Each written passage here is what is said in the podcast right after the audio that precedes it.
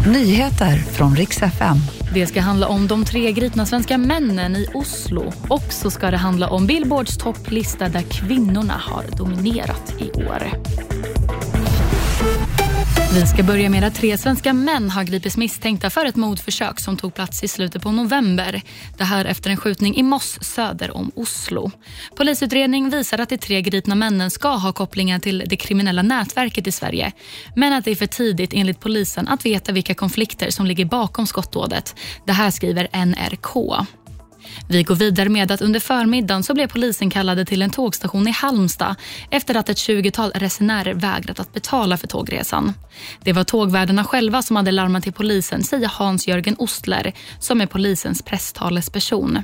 Enligt polisen ska det ha varit utländska medborgare, även barn inblandade. Så även gränspolisen och socialtjänsten anslöt till tågstationen. Slutligen ska det handla om Billboards årliga lista där de utser årets största popstjärnor.